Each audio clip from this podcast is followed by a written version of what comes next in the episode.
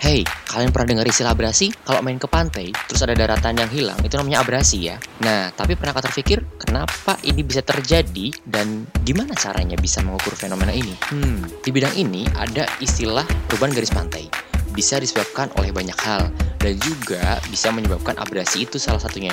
Perubahan garis pantai bisa dihitung dan dianalisis loh untuk pengambilan kebijakan pesisir yang lebih tepat sasaran. Penasaran gimana caranya? Saat ini Holospasial dengan ecolocation.id sedang membuka pendaftaran kelas spasial berjudul Penggunaan Digital Shoreline Analysis System dalam studi perubahan garis pantai. Langsung aja cek di Instagramnya Holospasial dan jangan lupa untuk daftar karena kelasnya terbatas.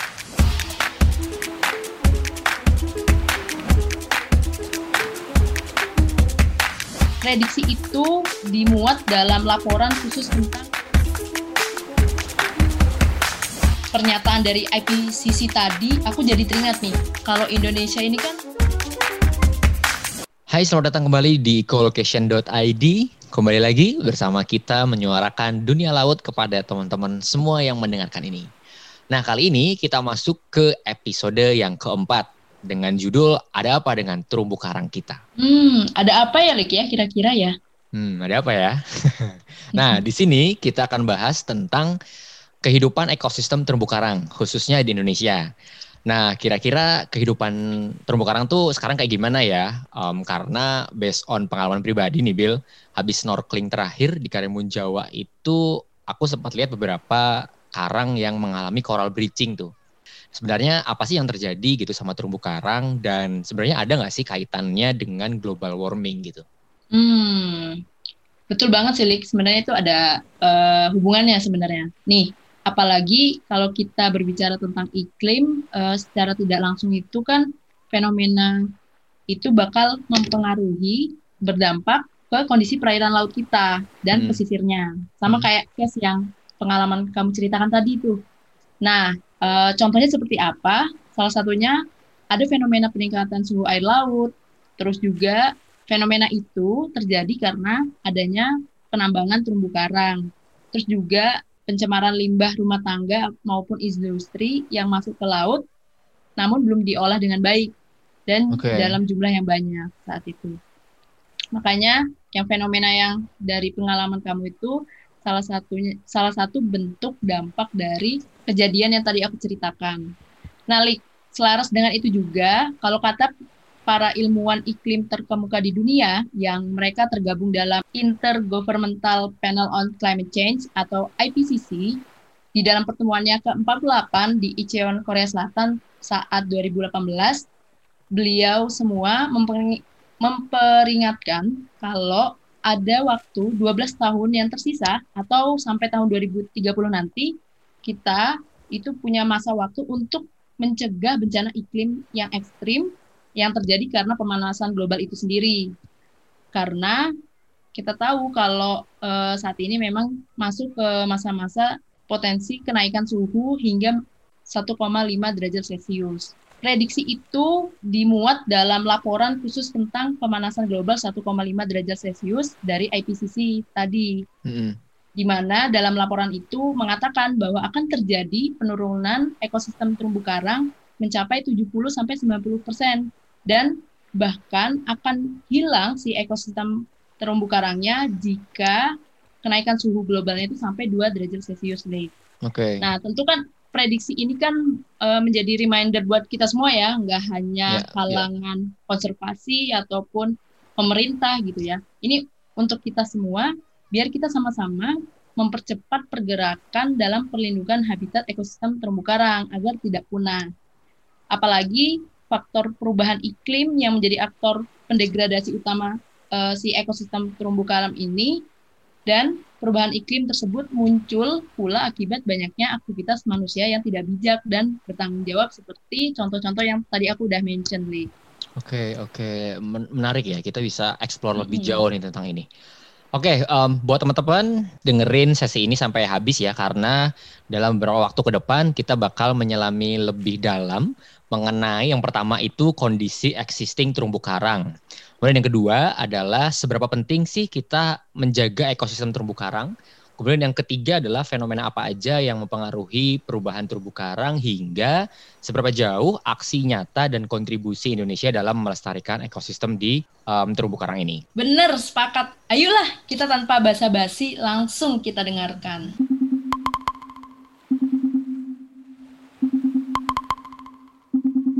Sebelum kita berbicara lebih jauh lagi, aku pengen cerita ini, Lik okay. tentang uh, sebenarnya ekosistem terumbu karang itu apa sih gitu ya. Mm-hmm. Nah, jadi teman-teman semua, uh, terumbu karang itu merupakan salah satu ekosistem di bumi yang paling produktif. Kita bisa temuin dia di laut dan ternyata terumbu karang ini paling kaya dari segi hayatinya. Oke, okay, gimana tuh?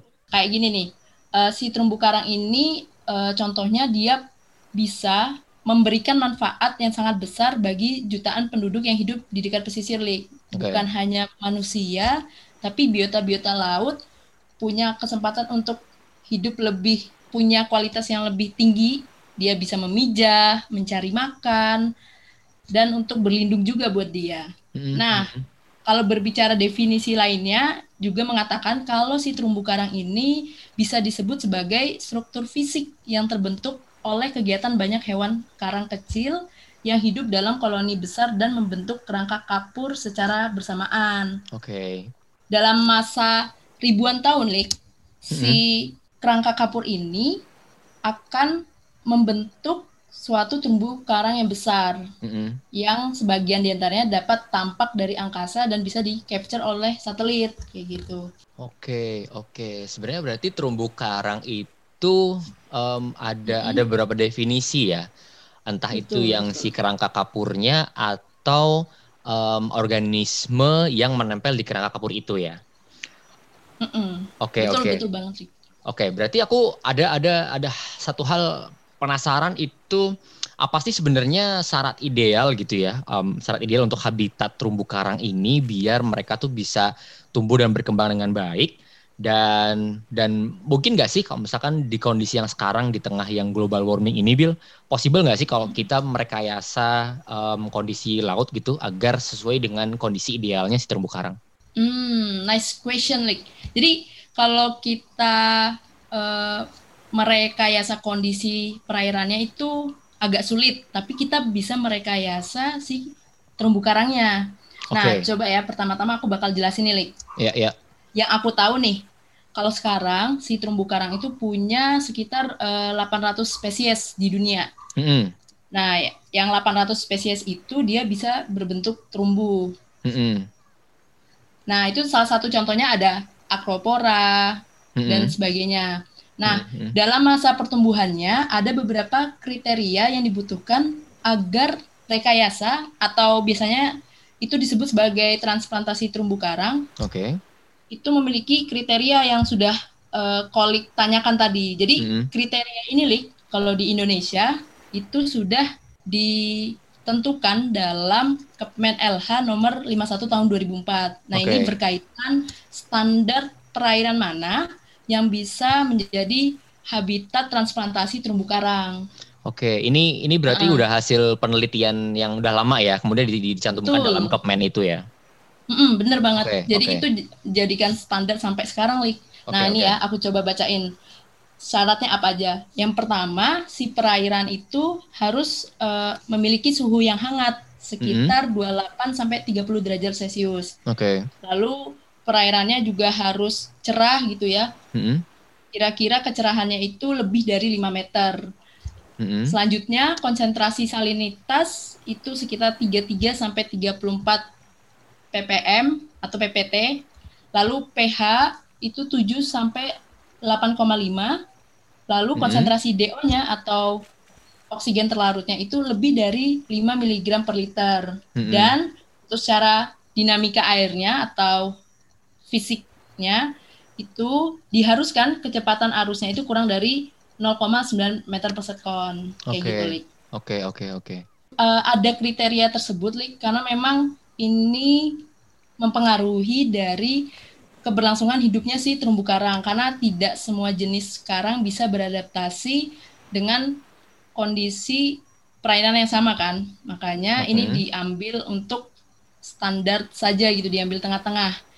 Nah, Lik selanjutnya nih, tadi Hmm. ya berkaitan persyaratan tadi memang eh, persyaratan kriteria perairan tadi itu ada karena memang di terumbu karang itu punya hewan karang kan yang hidup Ya. menempel. Iya, Nah, iya. itu yang menjadi alasan juga kenapa dibutuhkan kriteria tadi.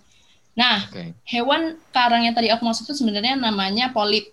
Oke. Si polip ini tuh memiliki eh, ciri tubuhnya itu seperti tabung Mm-mm. dan punya mulut yang Hmm. ada di tengah-tengah dengan dikelilingi oleh tentakel penyengat tuh si Oke. mulutnya itu. Oke.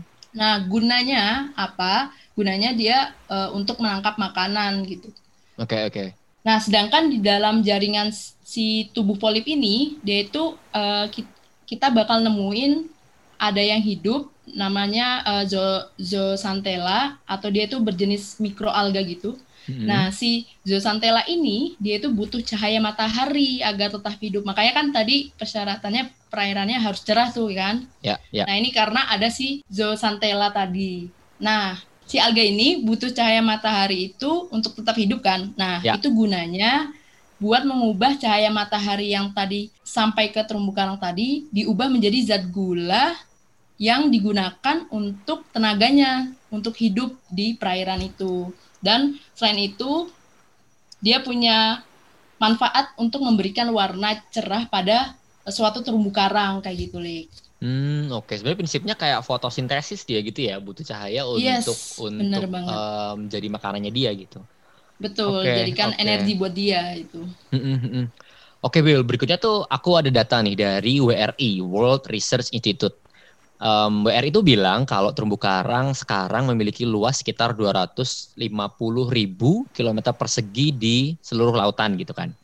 Dan juga merupakan tempat tinggal bagi 25% spesies laut yang diketahui ada sekitar 4.000 spesies ikan karang dan juga 800 spesies karang pembentuk terumbu atau karang keras nih yang yang di di, di kapur tadi tuh. Nah, Hmm. ini sejauh ini yang sudah dikenali sampai sekarang tuh sebanyak itu. Nah, meskipun angka tersebut terlalu kecil men- em, kalau dibandingkan dengan spesies laut lainnya yang beros- berasosiasi dengan terumbu karang seperti spons, kemudian ada bulu babi, krustase, moluska dan banyak lainnya ya. Nah, jadi sebenarnya angka itu seberapa penting sih buat terumbu karang gitu? Em, organisme yang berasosiasi dengan terumbu karang tuh seberapa penting gitu? I see, aku nangkap pertanyaanmu, Lik. Nah, jadi itu penting banget, Lik. Nah, karena gini, yang menjadikan kenapa terumbu karang itu menjadi ekosistem yang sangat kaya sumber hayatinya ya karena dia punya punya potensi dan kondisi berasosiasi dengan banyak makhluk hidup di perairan, Lik. Iya, nah, iya. selain itu punya peranan penting kan bagi kehidupan di laut. Oke. Nah, ini aku kutip dari Prof. Dahuri, peneliti dari LIPI. Beliau mengatakan kalau terumbu karang itu punya fungsi secara biofisik juga, Mm-mm. di antaranya sebagai tempat tinggal, terus Mm-mm. tempat berlindung, Mm-mm. mencari makan, dan berke- eh, berkembang biak bagi beragam biota di perairan laut. Oke, ini yang Di samping itu, feeding, feeding, breeding itu ya. ya betul. Oke. Nah, di samping itu, Lik, si terumbu karang itu punya fungsi secara fisik, dia berperan sebagai penahan gelombang dan ombak, Oke. atau biasanya disebut juga frigging reef gitu. Mm-mm. Nah, contohnya kayak yang paling dekat waktu kita kuliah dulu di perairan Karimun Jawa dan ada juga di Hawaii, Lik, Oke. frigging reef ini.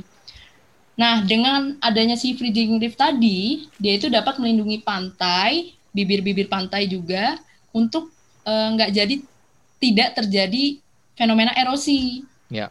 atau kehilangan garis pantai itu biasanya kita kenalkan salah satunya. oke. Dan juga sebagai penghasil sumber daya hayati yang punya nilai ekonomi yang tinggi, Lik, dengan meningkatkan produktivitas perikanan di perairan tersebut bagi manusia. Karena ketika terumbu karangnya sehat, banyak dengan tutupan karang yang tinggi juga, pasti eh, mendatangkan banyak ikan-ikan yang hidup di sana. Kembali lagi bisa dimanfaatkan oleh manusia untuk kehidupan sehari-hari. Kayak gitu. Lik. Bener, bener, bener. Aku ngerasain banget sih ketika ke Karimun Jawa kan, kayak Mm, um, mm, mm. sambil penelitian tuh um, yang ngantar kita di kapal gitu sambil sambil mancing gitu. Jadi akhirnya nyampe ke pulau tuh udah bakar-bakar ikan gitu. Iya, iya. Iya, Karena kan iya. Karimun Jawa banyak ya terumbu Iya. karangnya, apalagi dia masuk zonasi konservasi tuh. Betul, betul, betul. Jaga banget pasti. Oke, um, sebelum jauh nih, aku bakal recap, coba coba recap dulu nih ya dari dari penjelasan mm -hmm. kamu tadi nih um, tentang bagaimana terumbu karang itu ada. Nah, jadi kalau aku recap, terumbu karang itu terbentuk dari rangkaian proses yang lama dan kompleks ya. Tadi ribuan tahun kan? Betul, betul, betul. Oke, terus proses terbentuknya terumbu karang itu dimulai dengan adanya penempelan berbagai biota penghasil zat kapur di perairan. Kemudian pembentuk utama terumbu karang adalah Scleractinia atau karang batu yang sebagian besar dari karang batu tersebut mempunyai jumlah alga yang bersel tunggal. Kayak uh, tadi kamu sebut zoontelae kan? Yang terbentuk Betul. di dalam jaringan endordermnya. Nah, kemudian alga bersel tunggal itu punya ukuran mikroskopis berwarna coklat disebut dengan zoontelae tadi, memerlukan cahaya matahari untuk berfotosintesis. Dari proses pembentukan terumbu karang dikenal ada dua kelompok karang nih. Ada kelompok karang pertama itu yang membentuk terumbu atau karang hermatipik yaitu skleractinia, karang batu. Kemudian kelompok yang kedua adalah karang yang tidak dapat membentuk terumbu atau karang ahermatipik, yaitu dari soft coral atau karang lunak. Nah, coba dari Bill dari dari dua, jenis karang ini um, boleh deh di, dijelasin apa sih bedanya gitu? Hmm, Oke, okay. aku coba jelasin ya, Lik ya, untuk kelompok-kelompok terumbu karang yang sudah kamu mention tadi. Ya. Nah, jadi untuk kelompok pertama itu ada uh, karang batu atau scleractinia. Dia punya kemampuan untuk membentuk terumbu karang dalam prosesnya bersimbiosis dengan zooxanthella tadi. Dan dia membutuhkan sinar matahari untuk membentuk bangunan dari kapur yang kemudian itu kita kenal sebagai reef building corals. Oke. Okay. Nah, Sedangkan untuk kelompok kedua, itu dia tidak dapat membentuk bangunan kapur. Jadi biasanya itu dikenal sebagai non-reef building corals. Mm -hmm. Jadi bedanya ada yang langsung reef building corals, yang satunya non gitu kan. Yeah, yeah. Terus secara normal, si non-reef building corals ini secara hidupnya yaitu nggak tergantung pada sinar matahari. Karena kan mm -hmm. tidak ada zooxanthella tadi soalnya.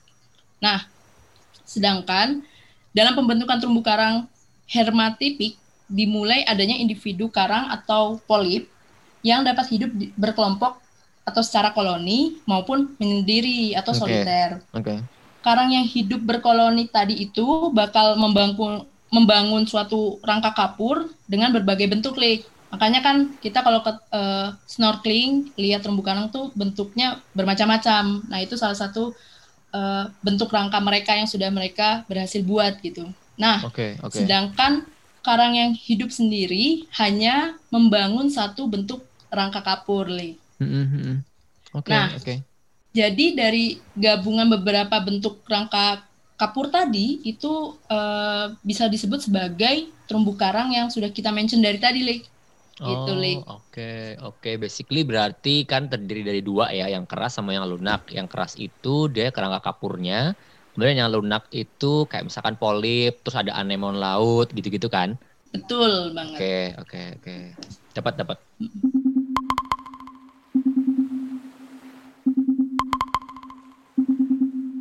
Lik, ngomong-ngomong soal fenomena iklim global tadi ya, yang mm -hmm. kita udah mention di awal.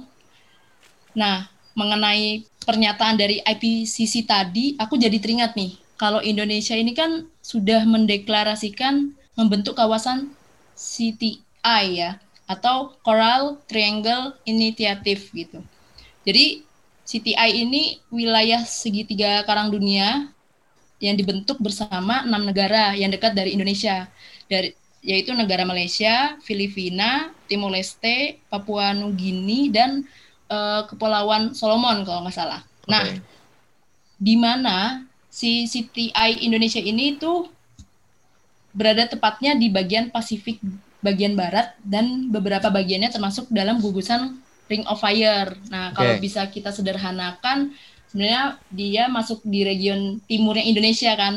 Kita kan yeah. tahu juga kalau di daerah timur Indonesia kan megafauna terumbu karangnya tinggi banget tuh. Iya, yeah, iya, yeah, betul, betul. Nah, di dalam kawasan CTI ini punya lo uh, total luas terumbu karangnya itu tercatat sekitar 75.000 km persegi. Mm-mm. dan punya berbagai varietas terumbu karang dunia hingga disebut-sebut sebagai Amazon laut. Nah, biasanya kan oke. kita kenalnya Amazon da- za- apa Amazon darat ya di Brazil. ya Sungai Amazon. Oke. Uh, Nah, kalau si kawasan CTI ini itu eh, dulu pertama kali diinisiasi oleh mantan presiden kita Pak SBY untuk melestarikan dengan cara berkalo- berkolaborasi tadi. Karena Indonesia itu pasti nggak mampu buat menyelesaikannya sendiri, Lik. Karena Ya. saking luasnya dan banyak kan. Ya, ya. Beliau menyatakan dengan statement tersebut karena memang begitu luar biasanya banyaknya kelimpahan ekosistem terumbu karang yang melimpah dan perlu menjadi perhatian khusus sekaligus ketat dalam pelestarian dan memperbaikinya karena Oke. kita sudah masuk di fenomena perubahan iklim yang ekstrim kali jadi Ya. agak sulit nih jadi ada PR baru lagi kan tantangan baru lagi nah jadi solusi yang paling tepat dalam menyelesaikan masalah lingkungan agar terjaga ekosistem terumbu karang tadi salah satunya adalah kita menjalin kolaborasi dan kerjasama juga dengan negara-negara yang berada dalam kawasan Coral Triangle Initiative tadi sebagai upaya dalam perlindungan sumber daya laut, Lik. Oke, oke. Coral Triangle Initiative. Um, ini sangat sangat menguntungkan sebetulnya ya kalau misalkan proyek-proyek yang diinisiasi itu bisa benar-benar memulihkan kembali kondisi karang akibat uh, coral bleaching itu ya. Mm-mm. Oke, dan dan inisiasi ini sebetulnya kan termasuk tanggapan karena memandang terumbu karang ini termasuk hal yang krusial kan. Seperti menjaga kelestarian dalam wilayah yang sangat luas dan juga meliputi keanekaragaman yang tinggi di dalamnya. Dan itu mengharuskan adanya kerjasama dari berbagai negara yang ada di sekitar em, Coral Triangle itu kan, untuk bisa menyelesaikan dengan baik. Nah, berkaitan dengan kondisi bumi ini nih, Bill Mm-mm. kan semakin ke sini itu semakin mengalami perubahan yang memburuk dalam keadaan iklimnya. Kita tahu ada Ya. ada isu global warming dengan kenaikan suhu sekian kan tiap tahunnya. Mm-mm. Termasuk juga di Indonesia kan. Nah, eh, hal ini pun menjadi alasan mendasar menurutku eh, dalam menjalankan pelestarian kawasan di CTI tersebut. Nah, karena kita tahu bahwa terumbu karang itu bisa hidup dengan baik pada standar kawasan perairan yang sesuai yang tadi kamu sebutkan di atas. Nah, apabila Yes. kondisi eh, fenomena iklim ini terjadi setiap tahunnya gitu kan dan juga memberikan dampak terhadap peningkatan suhu, maka standar dalam keberlangsungan hidup si terumbu karang ini akan terganggu kan otomatis. Bisa jadi bahkan punah begitu kalau misalkan sudah eh, kenaikannya mencapai 2 derajat Celcius gitu kan. Betul. Em, dari kondisi ini kamu ada ada concern nggak atau ada insight yang harus kita tahu gitu atau ataupun yang harus kita lakukan begitu em, dari dari eh, sisi di luar pemerintahan gitu. Oke, jadi sebenarnya aku coba ceritain dulu ya mengenai ada beberapa rentetan fenomena yang memberi dampak si fenomena pemutihan karang itu sendiri atau coral bleaching ya yang kita kenal. Ya, coral Nah, bleaching. Mm. Jadi ini yang aku pernah tahu juga ya, Lik ya. Kalau coral bleaching tadi itu pernah terjadi dalam jumlah yang banyak atau kita bisa bilang terjadi pemutihan karang secara massal, secara luas tadi tercatat di tahun 1983. Oke. Nah, di tahun yang bersamaan itu memang terjadi fenomena perubahan iklim yang hebat ya, yang kuat banget itu yang diberi nama sebagai El Nino. El Nino terjadi juga Lik, secara dahsyat juga di tahun 1998 sampai tahun 1999. Akhirnya banyak terumbu karang yang memutih atau coral bleaching di tiga samudra utama. Ya. Yang pertama itu ada Samudra Hindia, Pasifik, dan Atlantik. Nah ini kan Oke. sangat yang Pasifik ini kan dekat banget nih sama CTI tadi kan, Ya, karena ya. CTI kan di baratnya Pasifik tuh. Nah pemutihan si coral tadi atau coral bleaching tadi secara global kedua juga terjadi di tahun 2010. Nah ini juga dikaitkan dengan fenomena El Nino juga. Oke. Nah, dua peristiwa global ini terjadi eh, kurang lebih dalam satu tahun Oke. saat itu dalam pencatatan. Oke. Fenomena ketiga peristiwa si coral bleaching secara global ini dimulai Mm-mm. bulan Juni tahun 2014, Lik. Ya. Hampir setahun sebelum El Nino terjadi pada 2015 sampai 2016. Ya. Dan terakhir atau berakhir pada bulan Mei 2017. Oke. Selama fenomena El Nino terjadi, itu berlangsung juga pemanasan suhu laut dan terjadi coral bleaching yang menyebar di lautan tropis secara intensif. Kemudian berlanjut selama lanina berikutnya. Oke. Dan di oke. tahun dan berdasarkan catatan mengatakan kalau tahun 2014, 15 dan 16 ini tercatat sebagai periode terpanas di dunia. Tepatnya di tahun 2016. Ini pencatatan dari NOAA saat itu di tahun 2016 suhu tertinggi ter- tercatat sebagai kenaikan suhu tertinggi di bumi dalam satu dekade terakhir dengan besar peningkatan sampai 1,6 derajat Celcius, Lee. Oke. Ngeri juga.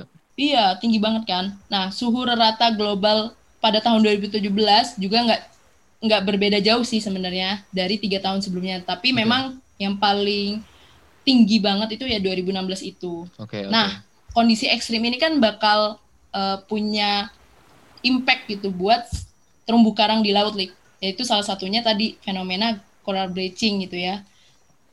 Frekuensi, intensitas, dan durasi tekanan panas itu eh, menjadi memberikan dampak buruk karena akibat pemanasan global itu. Sehingga dampaknya tadi adanya coral bleaching di perairan kita. Oke, berarti sebenarnya kalau misalkan nggak ada global warming akibat manusia, kayak misalkan industrialisasi, terus polusi udara dan lainnya, sebenarnya bumi juga ada siklusnya ya dengan El Nino dan La Nina tadi kan berarti di setiap Mm, periodenya gitu. betul, betul banget, Rik. Ada El Nino dan La Nina tadi itu. Ah, mungkin aku bisa nambahin dikit nih ya, kalau di Indonesia menurut data penelitian dari Coremap CTI, Coral Reef Rehabilitation and Management Program Coral Triangle Initiative, di tahun 2012 itu sebanyak 5,3 persen terumbu karang Indonesia dinilai sangat baik. Kemudian 27,18 persen baik, 37,15 persen itu cukup baik, dan 30,45 persen kurang baik berdasarkan ambang batas tutupan karang untuk hidup. Berarti kalau lihat Hmm. dari persentase ini kan kayak terbanyaknya adalah di rentang kurang baik sampai dengan cukup gitu kan. Iya, benar, benar, benar. Ah, ah, ah, ah. Nah persentase tersebut sangat baik itu menurun dibandingkan tahun 2019 sebesar 5,56 persen. Nah berikutnya itu data dari WRI World Resource Institute pada tahun 2010 terjadi kenaikan suhu air laut yang tidak biasa tuh mungkin karena El Nino tadi ya sehingga menyebabkan terjadinya pemutihan karang atau coral bleaching yang massal di Indonesia. Hmm. Nah juga di oke. pencatatan LIPI 2014, daerah yang paling parah adalah di sekitar Sumatera dan Sulawesi dengan 80 sampai 90% terumbu karang mengalami coral bleaching di sekitar Aceh dan Sumatera Utara. Kalau yang tingkat rendah itu eh, tingkat rendah sampai sedang itu juga terjadi di Jawa, Bali, Lombok, Papua Barat dan Maluku. Nah, fakta-fakta tersebut mengindikasikan nih kalau kualitas maupun kuantitas terumbu karang di Indonesia itu semakin lama semakin menurun.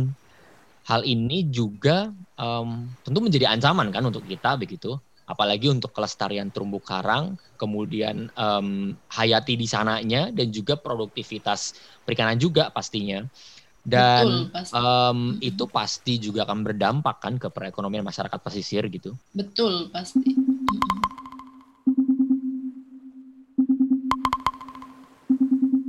Dari yang kamu mention tadi ya, aku tuh jadi sedih banget deh. Kalau tahu kalau Indonesia tuh bakal punya kualitas dan kuantitas si terumbu karangnya. Pantesan juga sih yang aku lihat kalau dalam dunia penelitian itu udah makin digenjot tuh buat mencari perencanaan bahkan juga untuk melakukan aksi nyata dalam transplantasi terumbu karang Oke. yang kian ke sini semakin meningkat tuh. Mhm. Nah, mungkin yang yang menjadi alasan dasar untuk men-trigger peneliti di Indonesia, terutama kita punya banyak terumbu karang, itu karena peramalan dari IPCC tadi yang menggambarkan kalau tahun 2030 ekosistem terumbu karang akan punah apabila tidak dilakukan tindakan preventif dan aksi transplantasi sejak dini. Oke. relevan dari hal itu juga ya.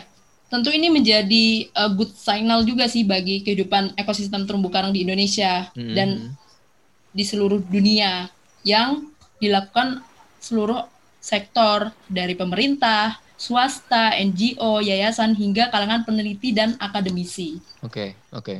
Nih aku coba berikan beberapa cerita nih Lik, yeah. mengenai aksi yang tadi aku sempat mention telah dilakukan di Indonesia. Yeah. Nah ini salah satunya di tahun 2019 dari Universitas Diponegoro oleh dosen ilmu kelautan Bapak Dr. Insinyur Munasik MSc bersama timnya saat itu membuat artificial patch reef di mana dalam penelitiannya ini dia menghasilkan suatu produk transplantasi karang yang didesain seperti piramida tersusun dari balok-balok waktu itu. Okay. Balok-baloknya itu komposisinya itu kalau nggak salah semencor. Jadi okay. berat memang untuk desainnya itu biar tidak cepat hanyut kan di perairan. Okay. Lalu sudah jadi piramidanya disusun tuh di tengah laut dan ditanam beberapa bibit beberapa spesies bibit terumbu karang. Selain untuk transplantasi, ukuran dan komposisi media transplantasi piramida tadi itu memang difungsikan untuk menahan gelombang yang dapat memungkinkan merusak pantainya. Okay. Begitupun akhir tahun 2020 ini, ini pemerintah kita dari Kementerian Kelautan dan Perikanan Indonesia itu membuat taman bawah laut dengan nama program ICEG FG yaitu Indonesian Coral Reef Garden di Nusa Dua, Badung, Bali. Nah, kegiatan ini tuh sebenarnya menuai banyak sekali manfaat, Lik. Yeah. Dari segi ekonomi masyarakat terdampak COVID menjadi produk padat karya dalam mewujudkan program pemulihan ekonomi nasional atau okay. PEN lalu juga mengembalikan nilai ekologis pada pesisir daerah Nusa Dua dan menjaga pantai Nusa Dua dari terjangan gelombang tinggi dari laut lepas kan yang kita tahu soalnya Nusa Dua itu di daerah selatannya Bali langsung okay. berhadapan dengan laut lepas gitu Lik. Oke okay, oke okay, oke. Okay. Uh, memang sekarang uh, dari mm -hmm. dari Kementerian Kelautan dan juga akademisi banyak yang melakukan transplantasi. Seperti kegiatan ku terakhir dengan dengan Kementerian Kelautan itu dalam rangka itu sebenarnya gitu untuk mencari lokasi yang sesuai untuk transplantasi karang. Namun hmm. ada hal yang lebih penting nih Bill. Um, kalau misal kita berbicara transplantasi karang gitu kan. Karena itu kan yep, program yep. program di awal gitu kan, mencari lokasi yes. kemudian transplantasi karang. Tapi Masang. yang nggak kalah penting adalah monitornya kan. Monitornya kayak yep. gimana gitu betul, untuk betul. untuk melihat bagaimana perkembangan karang yang sudah ditransplantasi di lokasi tersebut gitu. Hmm. Nah, um, kegiatan monitoring ini perlu dilakukan sih menurutku gitu dengan kegiatan membersihkan media transplantasi dan juga terumbu karang dari tutupan sedimen yang terbawa oleh arus gitu kan biar dia tetap bisa survive di sana. Terus juga pasti di laut ada ada hewan predator, kemudian um, pokoknya hewan-hewan yang suka apa tuh yang namanya yang makan-makan karang gitu kan. Kayak ikan apa tuh namanya aku lupa. Itu. Um, kemudian juga ada drupela dia kayak keong gitu kan yang nempel di badan-badan terumbu karang. Dia juga kalau kita nggak singkirkan dia bisa bisa memakan terumbu karangnya gitu. Terus juga ada bulu seribu atau crown of thorns gitu kan yang kayak bintang laut gitu juga dia bisa merusak gitu dengan memakan bagian dari si terumbu karang ini. Nah menurutku kegiatan monitoring ini harus di dimasukkan gitu dalam dalam program transplantasi karang biar si program ini bisa berlanjut gitu. Nggak cuma um, lokasi untuk transplantasi karang terus udah selesai aja gitu. Bener bener banget Lik. Aku setuju banget. Nih kalau misalnya monitoring gak dilaksanakan dengan baik yang udah kamu mention tadi tuh ya emang itu bakal jadi sia-sia program yeah. transplantasi karang tadi kan karena tidak akan berlanjut Yeah. Nah, berarti itu juga bakal membuang biaya dan tenaga si yang pelaksana project itu kan. Nah, yeah, itu dong. yang menjadi cuma-cuma lah. Yeah. Nah, ini soal monitoring juga, Lik. Ini juga jadi poin penting dalam melibatkan banyak peran. Salah okay. satunya kita melibatkan peran masyarakat juga yang ada di daerah transplantasi yang akan dilakukan untuk men menjaga dan mengelola si transplantasi terumbu karang itu. Karena orang yang punya proyek itu kan nggak mungkin uh, tinggal di sana dalam tiap harinya gitu kan, Lik. Yeah. Nah, perlu biaya lagi tuh buat monitoring. Alangkah lebih bermanfaatnya dan mempermudahnya kan dia bisa menjalin kolaborasi dengan masyarakat gitu ya. Apalagi masyarakat dilibatkan itu secara tidak langsung memberikan edukasi dan juga meningkatkan produktivitas mereka gitu untuk kesehariannya. Ya, ya, aku sependapat gitu karena memang proyek-proyek lingkungan itu harus di, memang memang dikembalikan lagi ke masyarakat gitu kan. Dari pemerintah ataupun NGO itu kan sebenarnya sebagai inisiatornya gitu yang yang memberikan dukungan penuh dari segi um, infrastruktur, infrastruktur untuk transplantasinya dan juga finansialnya gitu kan. Tapi pada akhirnya masyarakat di, di sekitar itu dan juga pemudanya dan juga organisasi di sana yang akan mengelola sepenuhnya gitu kan karena itu juga akan berdampak langsung ke mereka gitu ya memang um, ini juga jadi perhatian gitu untuk untuk um, pemerintah ataupun NGO yang melaksanakan kegiatan ini untuk mengikut sertakan stakeholder dan juga masyarakat ke dalam programnya agar mereka juga mm -hmm. mempunyai rasa memiliki gitu kan dari dari program ini gitu. Jadi saling menjaga lah gitu.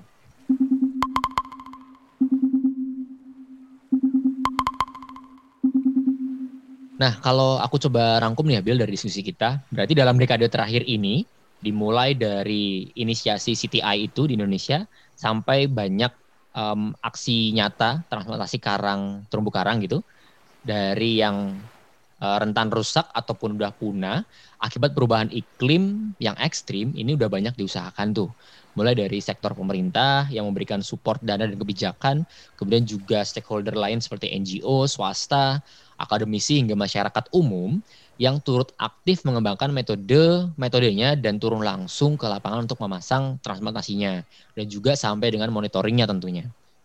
Nah, tentu hal ini harus tetap dilakukan gitu um, dan terus menjalin kolaborasi dengan negara-negara CTI tadi yang turut andil untuk melestarikan terumbu karang di wilayah Coral Triangle.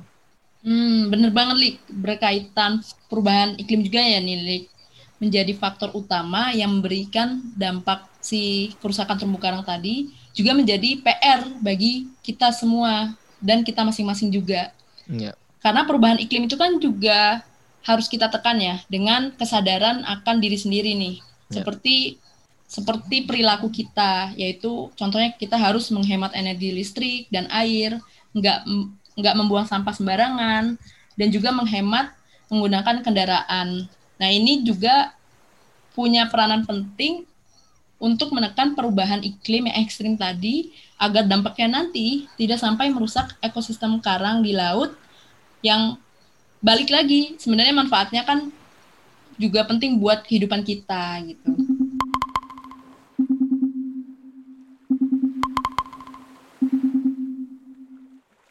Oke deh teman-teman, kita sudah di penghujung dalam diskusi ini, maka artinya episode keempat sudah selesai. Oke. Jangan lupa untuk ikuti terus sinyal-sinyal yang kita pancarkan di podcast Ecolocation. Dan semoga episode ini bisa bermanfaat untuk teman-teman semua ataupun bisa memberikan pandangan gitu untuk ayo kita bikin program gitu transplantasi karang gitu melibatkan banyak stakeholder di sana dari organisasi, mm -hmm. organisasi mahasiswa ataupun dengan akademisi ataupun dengan pemerintah. Oke, semoga bermanfaat dan sampai jumpa di episode berikutnya. See ya.